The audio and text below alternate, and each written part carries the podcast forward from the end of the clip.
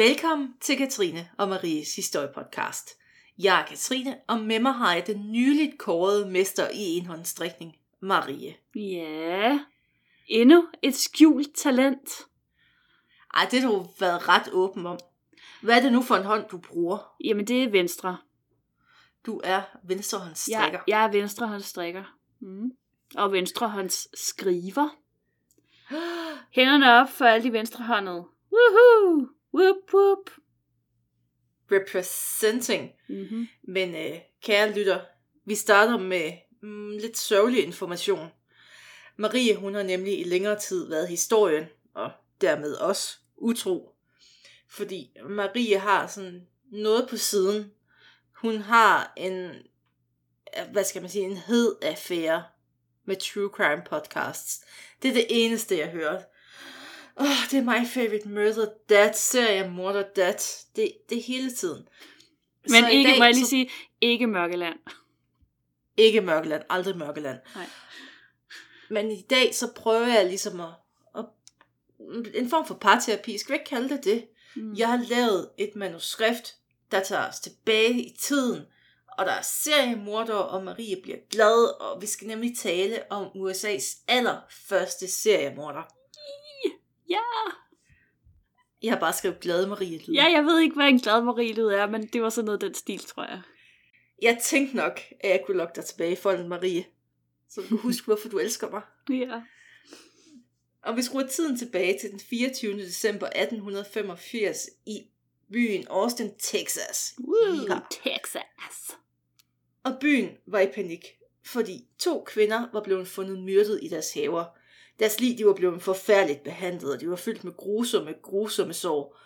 Men det var desværre ikke de første ofre, fordi at Austin befandt sig faktisk i en morbølge.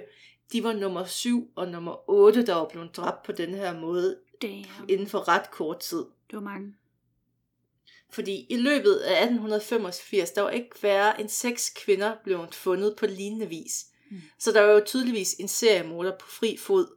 Men på det her tidspunkt, så havde man ikke rigtig begrebet seriemorder. Det var meget nyt, og man havde, altså, man havde jo ikke et ord for det overhovedet. Det var ikke noget, man sådan havde Og- registreret før. Nej, man har ikke oplevet det her før, så man havde ikke rigtig nogen øh, præcedens. Hvad, hvad gør man? Hmm. Spørgsmålstegn. Og morderen får et tilnavn, for det skal en morder jo have, og det var The Servant Girl Annihilator. Mm. Og han begik... Du skal ikke grine. Nej, Jeg ved nej, godt, det var lyder ikke- som det fedeste bandnavn i verden, men vi må ikke Nej, synes, det er sjovt. Nej. Og han begår nogle forfærdelige, forfærdelige forbrydelser. Og hver gang, så forsvinder han ud i natten uden et spor. Og det minder jo lidt om en anden seriemorder, der træder frem på scenen tre år senere i London, og faktisk Mm. mm. har en lignende måde at dræbe på, og sådan forsvinde ud i mørket. Hmm. Jack the Ripper. Spændende. Og derfor bliver der jo faktisk også senere spekuleret i, om der er en connection mellem de her to mordere, om det måske er den samme morder. Uh, ja, selvfølgelig. Men inden vi kommer så langt, så skal vi lige ringe med kontekstklokken. Ding ding! Ja. Øh, før 1884, der havde Austins fremtid set lys ud. Byen den var blevet udnævnt til den nye hovedstad for det, der tidligere hed den Texanske Republik. Det var jo noget med det der med nordstater og sydstater og ting, der ikke var en del af USA og så videre. Så Texas har jo altid været sådan lidt særlige. Og, og altså, de ser jo stadig lidt sig selv som et sådan et de ville, hvis de kunne, ville de gerne løsrive sig, tror jeg. De har jo også deres eget 100%. flag og sådan noget, ikke? Jamen, det har alle stater jo. Ja, okay, men, men er det ikke sådan lidt mere, de bruger det sådan lidt mere øh, sådan, Nå, Nå. ja, det er det med ikonisk. Jeg ved det ikke. nej, men øh, det var i hvert fald blevet, Austin den er ligesom hovedbyen, hovedstaden i, i Texas. I 1838, der var øh, hovedstaden så blevet flyttet fra Houston, fordi man mente, at fremtiden for Texas lå længere mod vest. Derudover, så var der efter sine helt utrolig smukt i Austin. Og det kan man jo sige, det i sig selv er jo bare en helt færre begrundelse for at flytte en by. Eller en hovedstad i hvert fald. 100 procent. Og Austin nød jo også godt af et økonomisk boom, der blev båret frem af bomulds- og kvæghandel. Og det økonomiske boom, det betyder også, at byen den vokser sindssygt hurtigt, og der var rigtig mange tilflyttere og nye virksomheder, der bare popper op. Og imellem 1860 og 1880, der vokser befolkningen fra 3.500 indbyggere til over 11.000. Hold da fast. Det er procentvis en voldsom vækst, det må man sige, det er jo en eksplosion. mindst. Og der var jo både et universitet i byen og masser af luksusbutikker og, Marie, Mm. der var et hotel, hvor hvert værelse havde sit eget indendørs toilet. Mon det var Dieu. altså stort på det her for tidspunkt. Dælen, Ja. I 1880'erne, hold da op, ja. Ved bygrænsen, der havde man også bygget et topmoderne sanatorium med navnet The Texas State Lunatic Asylum. Lederen, han hed Dr. James Given, og han havde sådan et ret moderne take på, hvordan man skulle pleje eller behandle psykisk syge. Blandt andet så vil han ikke have de her store hegn, fordi øh, altså der er sådan omkranset øh, hospitalet, fordi de indlagte, eller hvad man nu skal sige, de skulle nødig føle, at de sad i fængsel. Og stierne i haveområdet, øh, haveområdet øh, de var også anlagt sådan i bløde kurver, fordi han mente, at det var mere sådan beroligende for sindet. Amen, altså. Mm. Men det var ikke det største trækplaster i Austin. Og det var heller ikke hotellet med toiletterne. nej, nej. Fordi i den her periode, der bygger man også en ny State Capitol bygning. Det er sådan, hvad skal man sige, øh, der hvor den lokale regering for Texas mm. opholdt sig. Ja. Og byggeriet det blev startet i marts 1885 og står færdigt tre år senere. Og førende statsmænd for Texas, de erklærede jo i den forbindelse, at det var den syvende største bygning i verden. Fedt. Altså, du ved, alt er større i Texas. Og Men dog kun og så kiggede nummer jeg. syv. ej, jeg synes, det er også fint at være syvende største bygning. ja, okay. Og de havde måske faktisk også lidt at have det i, hvis man kigger på tallene. Mm-hmm. Fordi at bygningen var sådan 9-ish meter højere end den State Capitol, der lå i Washington. Og der var faktisk også større end det engelske parlament. Og det var sikkert helt vildt vigtigt. Det var meget, meget vigtigt, at man havde bygget noget, der var større end det, man havde i den gamle verden. Lige præcis. Så tingene, de gik jo rigtig godt i Austin, må man sige. Og folk, de var optimistiske omkring fremtiden, og alting, det, det faldt ligesom bare i hak på det her tidspunkt. Ikke? Og, og derfor så kommer det jo også som et endnu større chok, da der pludselig begynder at dukke døde tjenestepiger op i folks haver. Altså, hvad er det for noget? Og det, puha. Og det begynder jo selvfølgelig dramatisk, fordi hvorfor ikke? Mm. Tom Chalmers han var på besøg hos sin svoger i Austin, da han natten til den 31. december 1884 bliver vækket af en banken på døren og råb om hjælp. Walter Spencer, der var kæreste til øh, husets tjenestepige Molly Smith, han står udenfor, og han har sådan blod løbende ned ansigtet. Mm. Og han fortæller ret oprevet, at han var blevet angrebet i tjenesteboligen, som lå sådan gemt væk i baghaven, fordi de skulle, altså de kunne selvfølgelig ikke bo inde ved folk, altså Det er klart, ejere. det er klart. Og han havde jo brug for hjælp, og der var blod, og det hele var sådan meget voldsomt. Og Walter han fortæller os, at han ikke vidste, hvad der var sket med hans kæreste Molly, der var blevet angrebet af en mand fra skyggerne. Hmm. Chalmers han troede, at Spencer han var fuld eller bare overdrev sin historie, så han bad Spencer om at gå til lægen og i øvrigt lukke døren efter sig.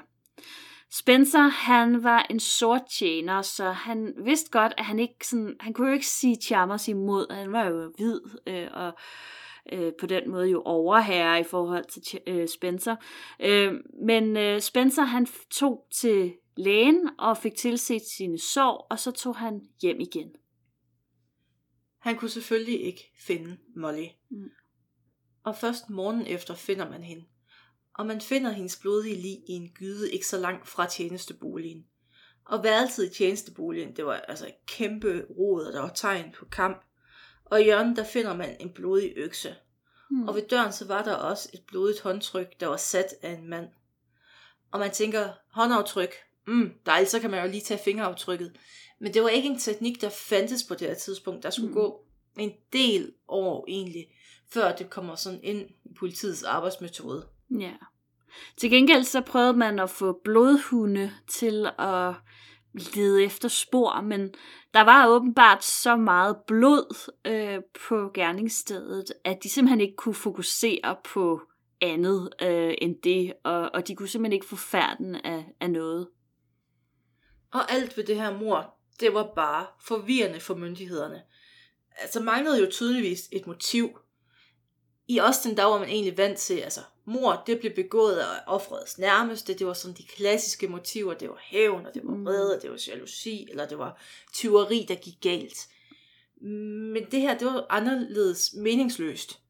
Og politiet, de starter så med meget logisk og efterforske kæresten Walter Spencer. Men det kommer de ikke så langt med. For det første, så havde han nærmest et alibi. Og ude i byen, der var han kendt som sådan en pligtopfyldende og forsigtig arbejder.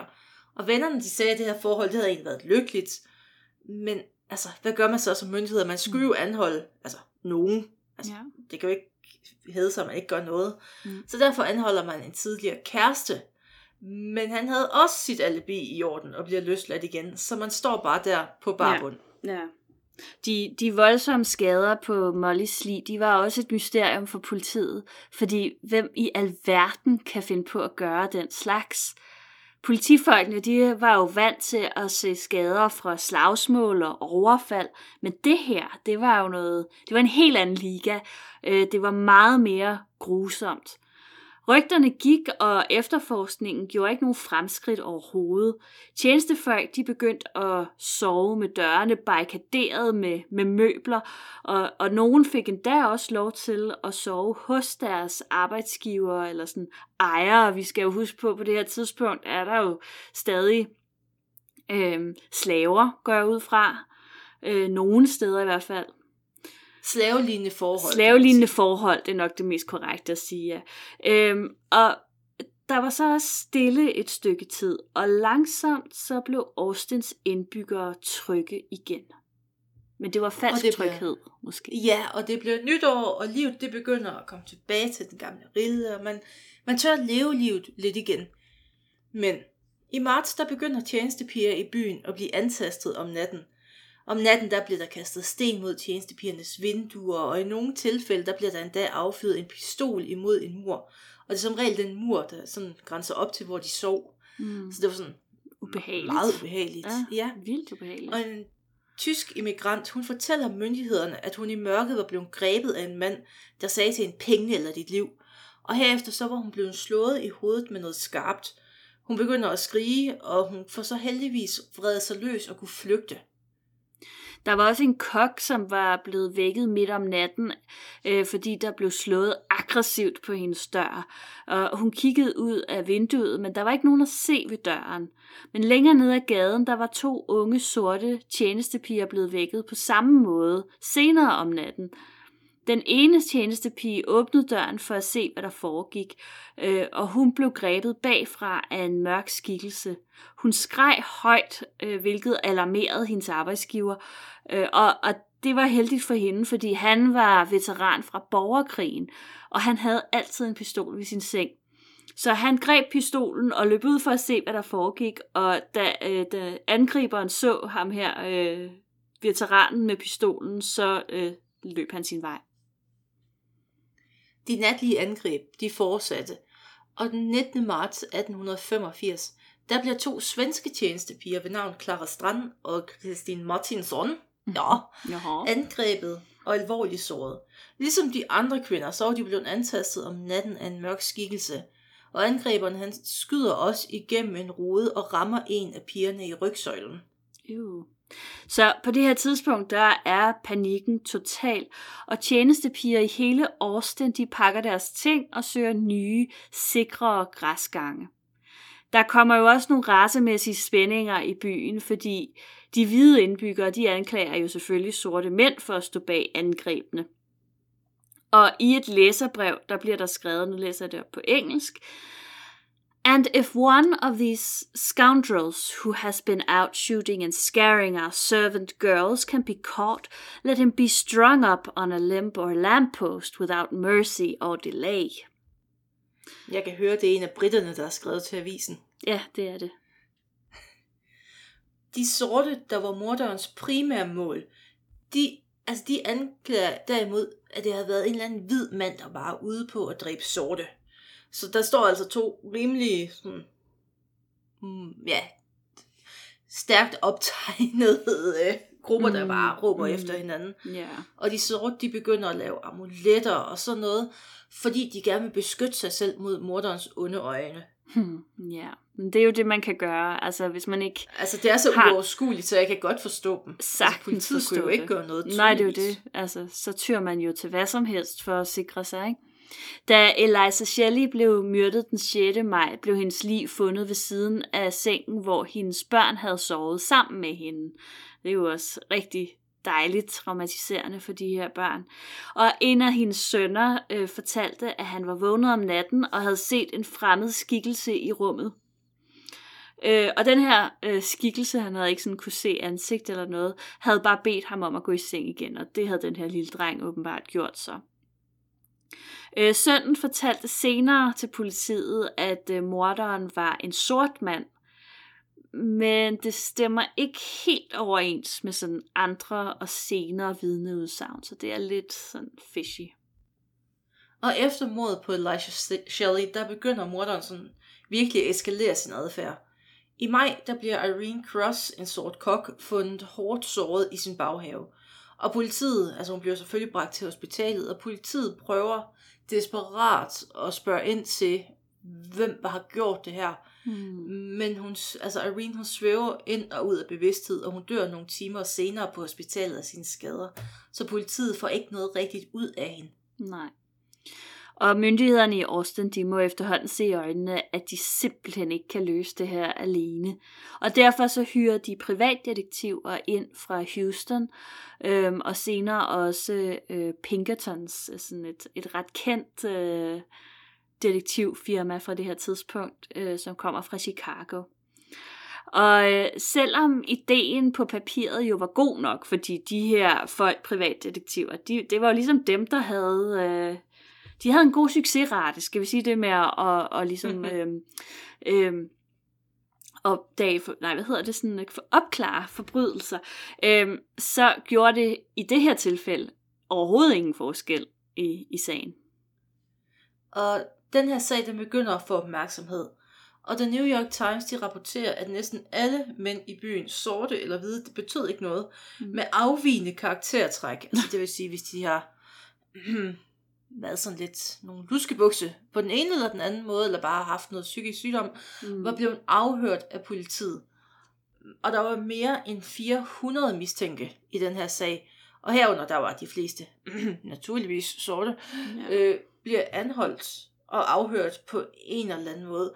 Og nogle af de her afhø- altså afhøringer, de var ifølge avisen meget hårde. Og så må man selv tolke på, hvad det betød. Men ingen af de anklagede kunne bevises at være morderen. Ja, så øh, måske man anvendte lidt øh, sådan torturagtige metoder. Måske. Øh, moderat fysisk pres, vil man kalde det i dag. Ja, spændende. Den øh, anspændte stemning i byen blev ikke bedre af, at kvinderne Mary Ramey, tror jeg, man udtalte det, Præcis. øh, Gracie Vance og Orange Washington blev myrdet i løbet af august og september. Mary Ramey var kun 11 år gammel, øh, da hun blev myrdet, det lille pus. Øh, og ligesom ved det første mor var kvinderne voldsomt skadede. Altså de havde virkelig været udsat for meget, meget brutal vold. Øh, der var også, og det her det er lidt ubehageligt, vil jeg lige sige, øh, der var nogle af dem, der havde fået presset skarpe objekter ind i ørerne og helt ind i kraniet. Øh, og de fleste af de her kvinder havde været sorte, eller var sorte. Så der var jo her- klart, der var jo et racespørgsmål i det, det kan der næsten ikke være nogen tvivl om. Altså, hvis man lige skal smide uh, true crime-kortet ind, Mm. så er det jo tit, at seriemorder holder sig til en type ofre. Ja, der er en, øh, en modus operandi. Lige præcis. Og det eneste spor, man konkret har efter den her seriemorder, det er, at man har fodaftryk, og de er sådan lidt mærkelige faktisk. Okay. Men det kommer vi ind på senere. Ja. Det er det eneste, man har konkret efter morderen. Og så det her håndaftryk, man ikke rigtig kan bruge til noget. Fedt. Juleaften det samme år her, der øh, ændrede morderen så sin rutine, altså sin modus operandi, kan man sige, og det er jo faktisk meget usædvanligt. Øhm, nu gik han fra at myrde sorte kvinder til også at myrde to hvide kvinder ved navn Susan Hancock og Eli, Eli, Eli Phillips. Øh, og de blev myrdet med kun få timers mellemrum. Der er jo en sjov, nej, man skal ikke, ikke sjov, Marie. En interessant parallel til uh, Jack the Ripper. Øh, jeg har så også en interessant tanke, hvis vi lige skal freestyle lidt her. Mm. Øhm, jeg har jo læst et par bøger om det her, fordi Mm. det gør man jo selvfølgelig op til researchen. Og jeg synes, det er interessant, at han op til der egentlig mest havde... Altså, han havde jo stadig antastet hvide kvinder, man havde ikke myrdet dem. Mm-mm. Så det var ikke fordi, han måske var uinteresseret i det. Det er Nej. det forkerte, det er det forkerte måde at sige det på, men han havde jo tydeligvis vist en interesse for alle typer kvinder, men havde ja. holdt sig til at myrde de sorte. Og nu siger jeg bare noget, altså det kunne jo godt være, at øh, de sorte kvinder i, i nogle tilfælde simpelthen var nemmere at ofre, fordi De var mere at, udsatte. at de var mere udsatte, og de levede måske også i ejendommen, der var nemmere at bryde ind i, og altså, det, ja, der er jo klart en Og så var der jo også øh, det, ikke? kon, altså det, den vigtige detalje, at øh, sorte mænd nødvendigvis ikke havde våben, for det havde de jo ikke rigtig tilladelse til på samme. Nej. måde som hvide mænd. Mm, Så det indebar måske ikke samme risiko nej. at skulle bryde ind i et sort hjem. Nej, klart. Men det, det minder mig om med uh, Jack the Ripper, det er jo også, at han, han har jo også, han begår et mor, og så går der nogle måneder, så begår han et mor mere, og så videre. Og så lige pludselig, så begår han to mor på samme aften, øh, hvilket også er sådan ret interessant, sådan set ud fra sådan et, et true crime, sådan seriemorder, psykologisk øh, perspektiv. Men øh, skal vi kloge os på det bagefter afsnittet? Det kan vi gøre. Jeg er ret sikker på, at vi begge to har ja. masser af materiale. Mm. Så, men Efter- altså efter de her... Nå, undskyld. Ja, Ja, øh, Ja. ja. men altså, værsgo. du er så ivrig. ja, jeg er så ivrig. Efter det her dobbeltmord, der begynder mænd at holde sig vågne om natten med en pistol i hånden og sidder og holder øje med døren. Simpelthen for at kunne beskytte deres familier og deres tjenestefolk. Og der var så også et boom i salget af sikringer til vinduer og døre. Ja. Og så, fordi det var jo the olden days, så var der også et kæmpe boom i et salg af tonics til kvinder, fordi de var jo blevet så hysteriske, så de skulle hisses ned. Nå. Og de var sikkert fyldt med enten kokain, kokain eller heroin, eller sådan anden godt for those days. Laudanum eller sådan noget, så de virkelig. Ja. kunne bare blive helt slappe, når de skulle sove.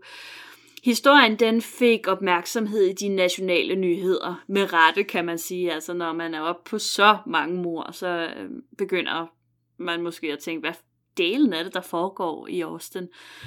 Øh, og der blev også skrevet om det i mange af de store landsdækkende medier. Blandt andet øh, et øh, blad, der hed The New York World, som blandt andet skrev, og nu citerer jeg igen på engelsk, og jeg tror igen, det er måske nok en, øh, en lidt øh, britisk øh, journalist måske, som har skrevet ind her. Uh, those extraordinary and similar assassinations of women at Austin facts as marvelous as the most extravagant fiction. Og om morderen, der skrev man, I do not believe any man figures in the world's history with such a terrible and horrifying distinction from the rest of humanity. He may well give history a new story of crime, the first instance of a man who killed in order to gratify his passion. Og det er jo sådan set et ret er vigtigt citat, det sidste der. synes jeg. Ja. Øh, Hvis det er Jonah første Hill- gang i hvert fald, at man sådan har registreret en seriemord. Det kan vi jo så diskutere, om det er. Men, øh, Vi har en lang diskussion i vente, kan jeg høre. øh, Eula Phillips og Susan Hancocks ægtemænd, de blev begge to anholdt mistænkt for mor. Øh, Moses Hancock, han blev løsladt ret hurtigt, imens Phillips mand, han, den sag, den blev ret skandaløs. Fordi Mm. Eula Phillips, hun var betragtet som en af de smukkeste kvinder i Austin. Og et vidne, der drev et, og det var sådan, jeg vil sige, det var et meget løst øh, samsurium af begreber, jeg fik, da jeg læste om det her. Det var sådan hotel, bar, mødested, bordel-ish. Sådan, Godt. Ja. det var sådan en blandet landhal, der blev ja. ført her. Øh, men det hun primært sådan solgte, det var sådan et sted, hvor man kunne have hurtige stævnemøder. Hun vidner i sagen, og hun fortæller, at Jula ofte opholdt sig i det her dejlige sted. Og hun opholdt sig der faktisk også få timer før hun bliver fundet myrdet. Mm-hmm. Og det bliver ret vigtigt for sagen, fordi det kommer selvfølgelig ud i offentligheden, og det får indflydelse på flere magtfulde mænds karriere i området, fordi de havde da besøgt Jula. Uh. Også. Og det sætter jo så hendes mand i et dårligt lys. Ja, han bliver jo henrej. Og han var så heller ikke en engel selv, og han bliver beskrevet som en eller anden voldelig drukkenbold. Hmm. Men der var ingen konkrete beviser for, at han skulle have myrdet sin kone. Uh, men Selvom med der var af de masser af der- motiv. Ja, men de magtfulde mænd i byrådet derimod. Dam, dam, dam.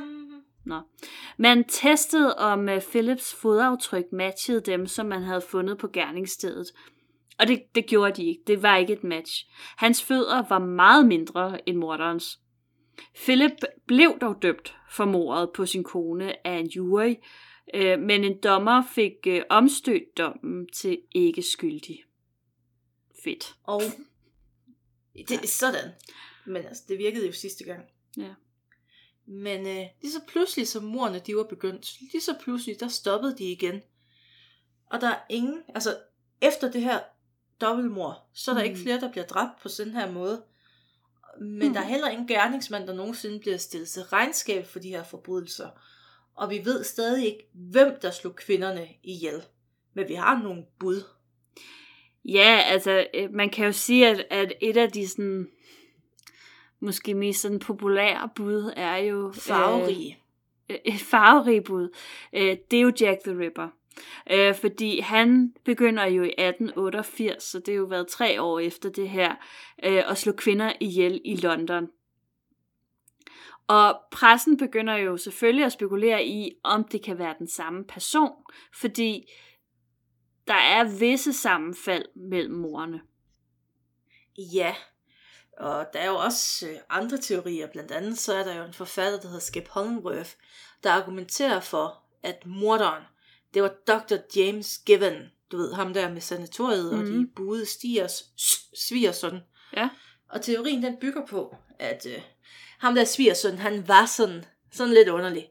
Ja. Og morerne, de stopper kort tid efter, at Dr. James Given, han tvangsindlægger svigersønnen. Okay. Ja, det er påfaldende selvfølgelig. Men der var også en kok fra Malaysia, som øh, blev mistænkt. Han arbejdede tæt på flere af gerningsstederne, og i 1885 der fortalte han pludselig sin arbejdsgiver, at han flyttede til London, som i lige nu. Som i Ja. sådan, fra Bum. den ene dag til den anden. Der er også en forfatter med navn Shirley Harrison, der kommer med en anden teori, der så laver sådan en knude mellem Jack the Ripper og den moren af Austin. Altså hun mistænker nemlig en navngiven bomuldshandler ved navn James Maybrick. Han kom fra Liverpool for at stå bag alle de her mor.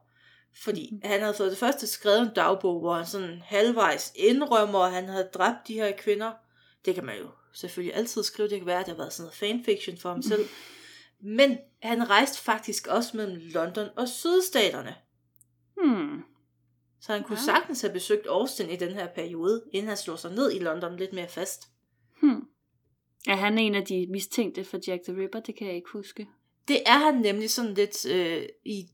Ikke sådan, øh, hvis man sådan skal se det som en dartskive, så er han ikke bullseye, men han er sådan, Nej. han er sådan midterring Okay. af mistænkte.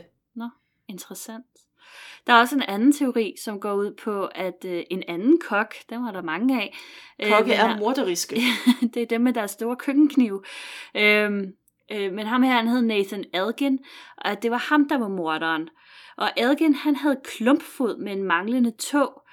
Øh, og det skulle... skulle, De der underlige fodaftryk. Ja, og det skulle nemlig være forklaring på nogle af de her sære fodaftryk, man havde fundet på gerning, eller man fandt på gerningsstederne. Morerne, de stoppede også efter, at Elgin han var blevet skudt af betjente, da han var blevet taget på fast gerning midt i et overfald. Hov, Hmm. hov, voldelig adfærd lige der. Ja, det må man sige.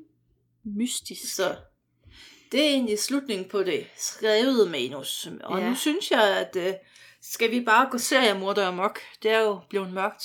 Ja, Jeg har skrevet det. noter, som jeg skriblede ned. Ja. Og jeg synes, en interessant tanke ved det her, det er, at man kalder jo det her USA's første seriemorder. Mm. Men statistisk set, så ved jo, vi jo, der har været seriemorder gennem hele historien, og også ud fra tallene, nok også i USA før det her. Mm. Men øh, det er jo sådan lidt en ny ting, at man har sådan nogle større byer, hvor folk, altså sådan seriemorder kan, og nu bruger jeg et ord, fordi jeg ikke rigtig har noget, der er bedre, hvor de kan gå på jagt sådan ret anonymt og har en let adgang til offrene. Ja. Og måske byen faktisk er facilitator for den moderne seriemorder? Spørgsmålstegn. Altså det, ja, det er jo meget muligt. Man kan jo sige, at altså, ser man tilbage i tid, så er det jo, altså nu, nu har jeg jo ikke, øhm, nu er jeg jo ikke seriemorder ekspert, vil jeg sige. Øh, og det er jo selvfølgelig... Det skulle du helst være med alle de timer, du har brugt på det. Ja, det er sjældent faktisk, det handler om seriemordere. Øhm, fordi de, de er jo faktisk ret sjældne seriemordere. Øhm, og de er jo... De er jo... Altså, de har formentlig altid eksisteret, men de er nok bare ikke blevet registreret før. Øhm, Jamen også det, at de har jo kunne rejse imellem steder uden sådan... De har, altså, de har jo kunne ja. være ret... Ja, og, og det er altså det er jo en ting der findes uh, senere i tid øh, også en seriemorder i USA som tilsyneladende bruger jernbanen til at rejse fra gerningssted til gerningssted, fordi det er jo også nemt for ham.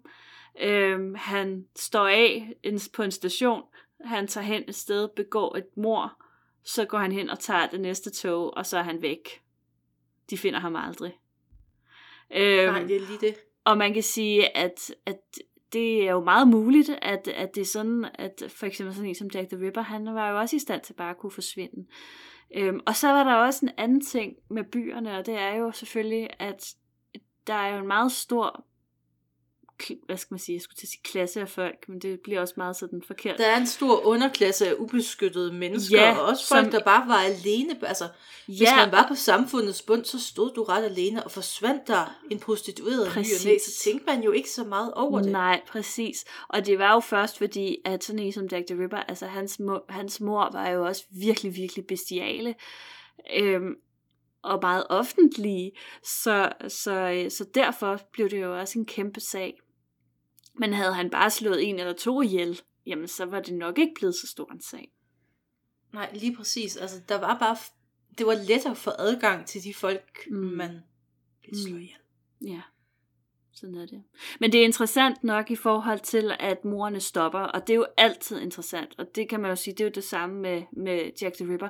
Hvad er det, der sker? Øhm, han stopper jo så ikke efter sit dobbeltmord, fordi der kommer faktisk et mord til efterfølgende. Øhm, men derefter, eller er det to, det kan jeg ikke huske, øhm, så, så holder han jo op, han forsvinder. Øhm, hvad er det, der gør, at man pludselig holder op med at slå folk ihjel?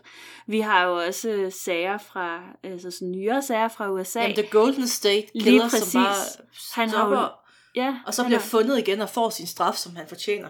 Ja, som gammel mand, ikke? Fordi han har jo bare levet i hvad, øh, 40 år eller sådan et eller andet, øh, fuldstændig anonym og civilt liv, selvom han har en masse mor på samvittigheden, ikke? Øhm, så det er enormt interessant, og der er jo klart, selvfølgelig er der nogle teorier om, hvad det er, der gør, at folk, altså det er simpelthen noget med, at de ligesom får opfyldt deres, ja, lyst til at slå ihjel, og så har de ligesom, "Nå, nu har jeg gjort det, nu har jeg ikke lyst til at gøre det igen. Jeg synes Øhm. jo også, øh, det der citat, der var fra avisen, Mm. The New York World, det var Ja. interessant. Ja. Hvor det på en måde bliver i talesat, hvad en seriemorder er, før man ja. ved, hvad en seriemorder er. Det er jo Mhm. mm-hmm. faktisk først op i øh, 60'erne eller 70'erne, det bliver et begreb. Ja, og det er jo sjovt nok, fordi du sagde jo også tidligere, at det man har været vant til, det er jo, altså, det- det er jo folk, som enten øh, slår folk... Mor, man kan forholde sig til på en måde. Altså, Ja, det fordi er det er en nære relationer. til en Ja. relation. Det er, det er enten folk, som har en relation til hinanden, eller i, fordi man vil berige sig, at man Altså de fleste ihjel. mennesker, de forstår jo godt, at, at man kan blive så vred, eller blive så ked af det. Men når det er mor for mors skyld, så bliver mm. det underligt. Ja. Det er jo også derfor, man opfinder de der vareulve-historier. Fordi man kan jo ikke forklare, altså, man havde, altså, man havde jo ikke ord til at forklare, hvad der var sket i gamle dage, så det, var Det er i hvert fald en varulv. teori. Ja, Mm. altså det er jo i hvert fald en teori, at... at Eller også nogen- fandtes der varulve. Vi havde de faktisk, kan du var huske, det. for mange år siden efterhånden, mange år siden, Oh, at vi ja, havde et øh, afsnit om monstret i Chevaudan. Var det ikke det, Chevaudan, ja. Ja, øhm, som jo netop var sådan en historie formentlig om en massemorder eller en seriemorder, som man jo bare ikke vidste. Altså man kunne slet ikke Man forestille sig, at der var nogle mennesker, at som gik rundt. ville gøre sådan noget. Jamen Et præcis, menneske man kunne, skabt af Gud, der kunne finde på sådan noget. man kunne slet ikke djævlen? forestille sig det, så det måtte jo være et eller andet mærkeligt monster, der rendte rundt ud Det i må skoven være noget og gjorde det. overnaturligt, for Ja. sådan er folk ikke. Så altså, det skulle man måske også op i nyere tid, for ligesom at finde ud af, at, at det var tilfældet. At det kunne folk faktisk godt finde på. Og med de ord, tak fordi I lyttede med.